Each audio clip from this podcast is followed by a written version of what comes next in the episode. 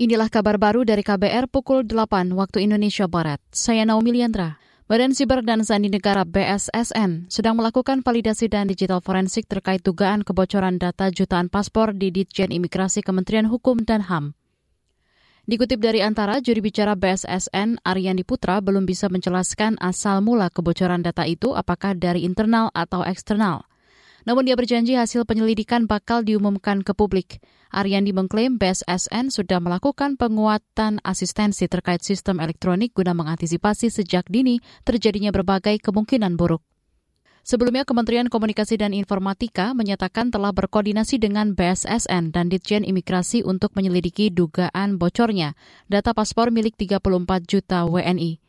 Dirjen Kominfo Usman Kasom mengungkapkan hasil sementara memperlihatkan ada perbedaan struktur data antara yang ada di Pusat Data Nasional dengan data yang beredar. Menurutnya saat ini tim masih melakukan penelusuran. Kita ke soal pendidikan.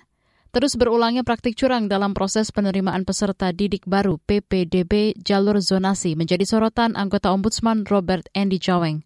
Kecurangan itu misalnya dengan memanipulasi alamat seperti terjadi di kota Bogor, Jawa Barat yang terungkap saat wali kota Bima Arya sidak ke beberapa alamat calon siswa SMP.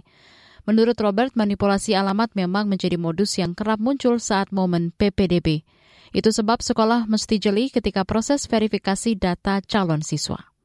Ini kan yang harus diverifikasi secara faktual antara domisili yang artinya di mana dia tinggal dengan kedudukan yang artinya di mana alamat sesuai dengan KTP itu berada.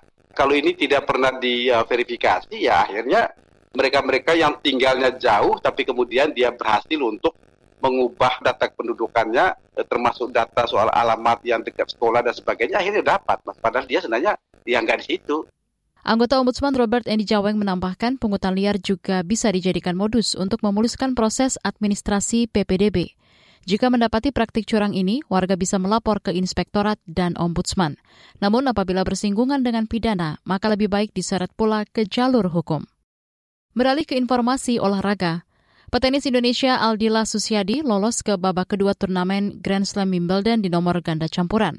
Aldila yang berpasangan dengan pemain Belanda Matwe Middelkop mengalahkan duet Gonzales Trikova dalam laga sengit 3 set 6-4, 3-6, 7-6 tiebreak 10-7.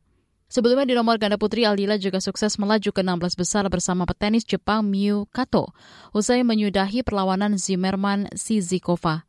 Selanjutnya, Aldila Kato bakal menantang Suwei Strikova di lapangan 15. Mereka akan berlaga di match kedua, kemudian Aldila harus langsung melakoni laga ganda campuran di match keempat. Demikian kabar baru KBR, saya Naomi Liandra undur diri.